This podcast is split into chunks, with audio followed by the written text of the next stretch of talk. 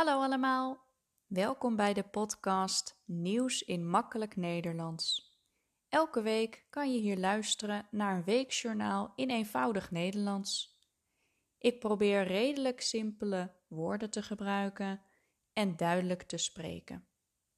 Aan het einde van het journaal heb ik een opdrachtje voor je om je Nederlands te oefenen. Dit is aflevering 45. Ik vertel over een aantal nieuwsberichten uit de kranten van week 32 en 33. Deze aflevering gaat onder andere over Olivia Newton-John, de harde regen in Parijs en het einde van de zomervakantie. De Brits-Australische zangeres en actrice Olivia Newton-John is overleden. Zij speelde Sandy in de film Grease. Ze had borstkanker en is 73 jaar geworden. Fans van de zangeres hebben bloemen en foto's neergelegd op haar ster op de Walk of Fame in Hollywood. Veel mensen verlaten de Randstad. De Randstad is het gebied tussen Amsterdam, Utrecht, Rotterdam en Den Haag. Ze gaan op een andere plek wonen. Vooral gezinnen met kinderen en vijftigers en zestigers gaan weg uit de Randstad. Ze gaan bijvoorbeeld in de provincie Drenthe of Groningen wonen. Deze provincies liggen in het noorden van het land. Hier is het rustiger dan in de Randstad en de woningen zijn goedkoper en hebben vaak een tuin. De Randstad is nog wel populair bij mensen tussen de 18 en 30 jaar. Ze gaan daar wonen voor hun studie of werk. In Rotterdam was een spektakel te zien. Een stuntman liep over een koord tussen twee hoge gebouwen. Een koord is een dunne lijn of een kabel. De man liep van de Zalmhaventoren naar de Rotterdam. De Zalmhaventoren staat aan de ene kant van de rivier en de Rotterdam staat aan de andere kant van de rivier. Hij is dus op ongeveer 200 meter hoogte de rivier overgestoken via een kabel. De stuntman heet Jaan Roze. Ik hoop dat ik het goed uitspreek. Hij komt uit Estland.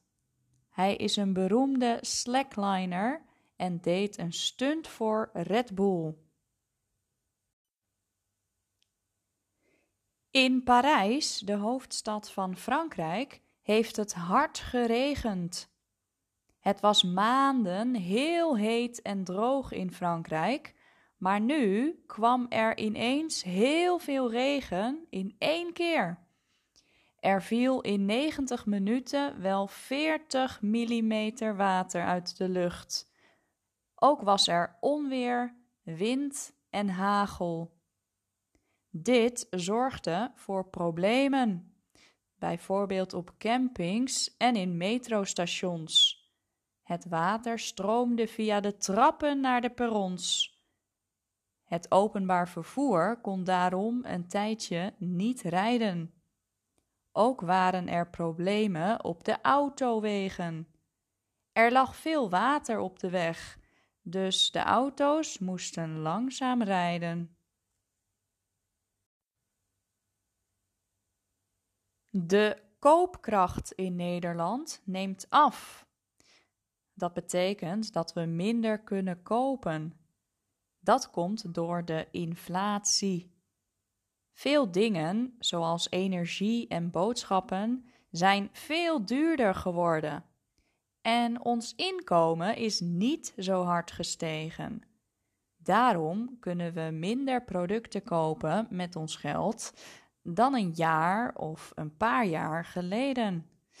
Steeds meer mensen komen hierdoor in de problemen. Zo stijgen de armoedecijfers.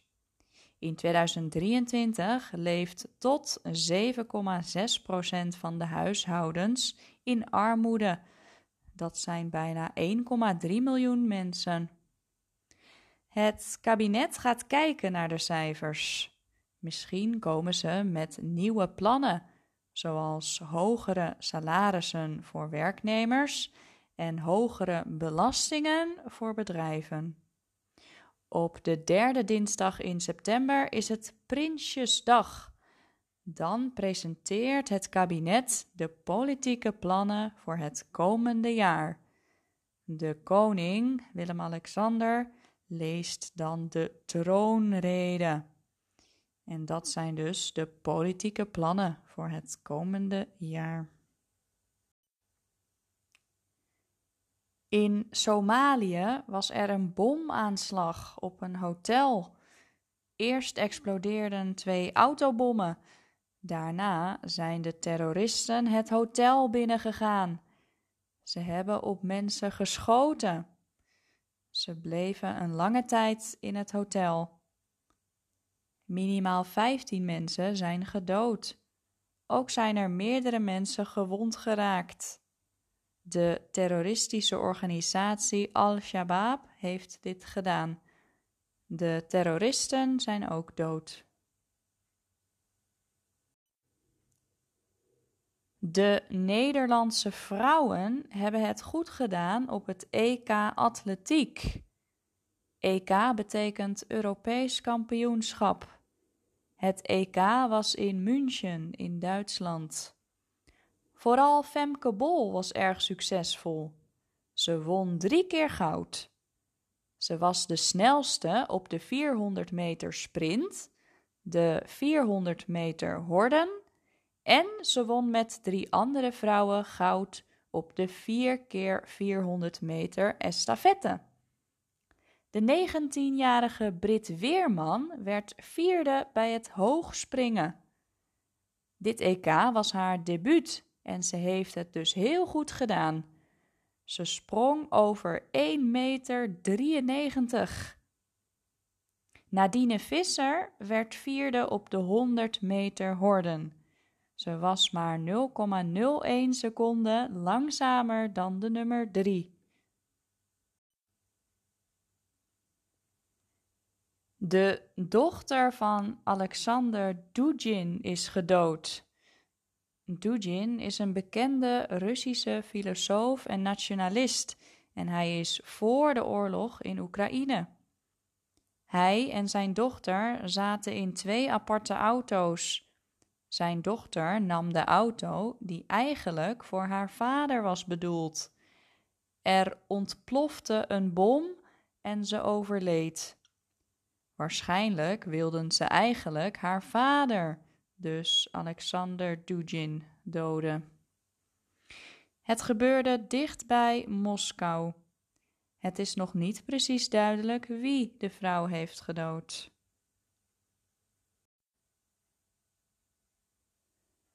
Komende week gaan de eerste basisscholen weer beginnen.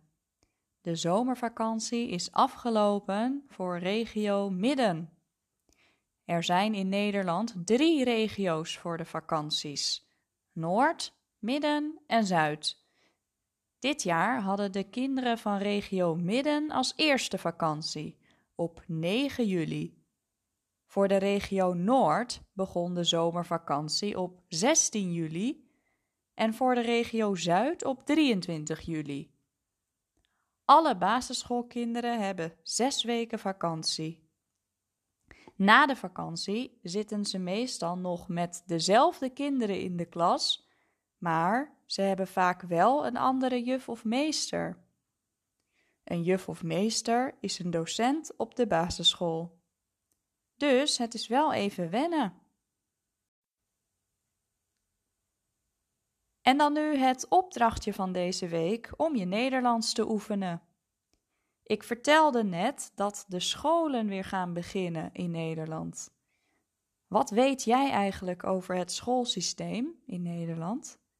Welke scholen zijn er en welke niveaus? Zoek het eens op en schrijf de informatie kort op. Dat was het voor deze week. Wil je de tekst ontvangen van deze aflevering? Stuur dan een mailtje naar nieuwsinmakkelijknederlands@hotmail.com. Bedankt voor het luisteren en tot volgende week.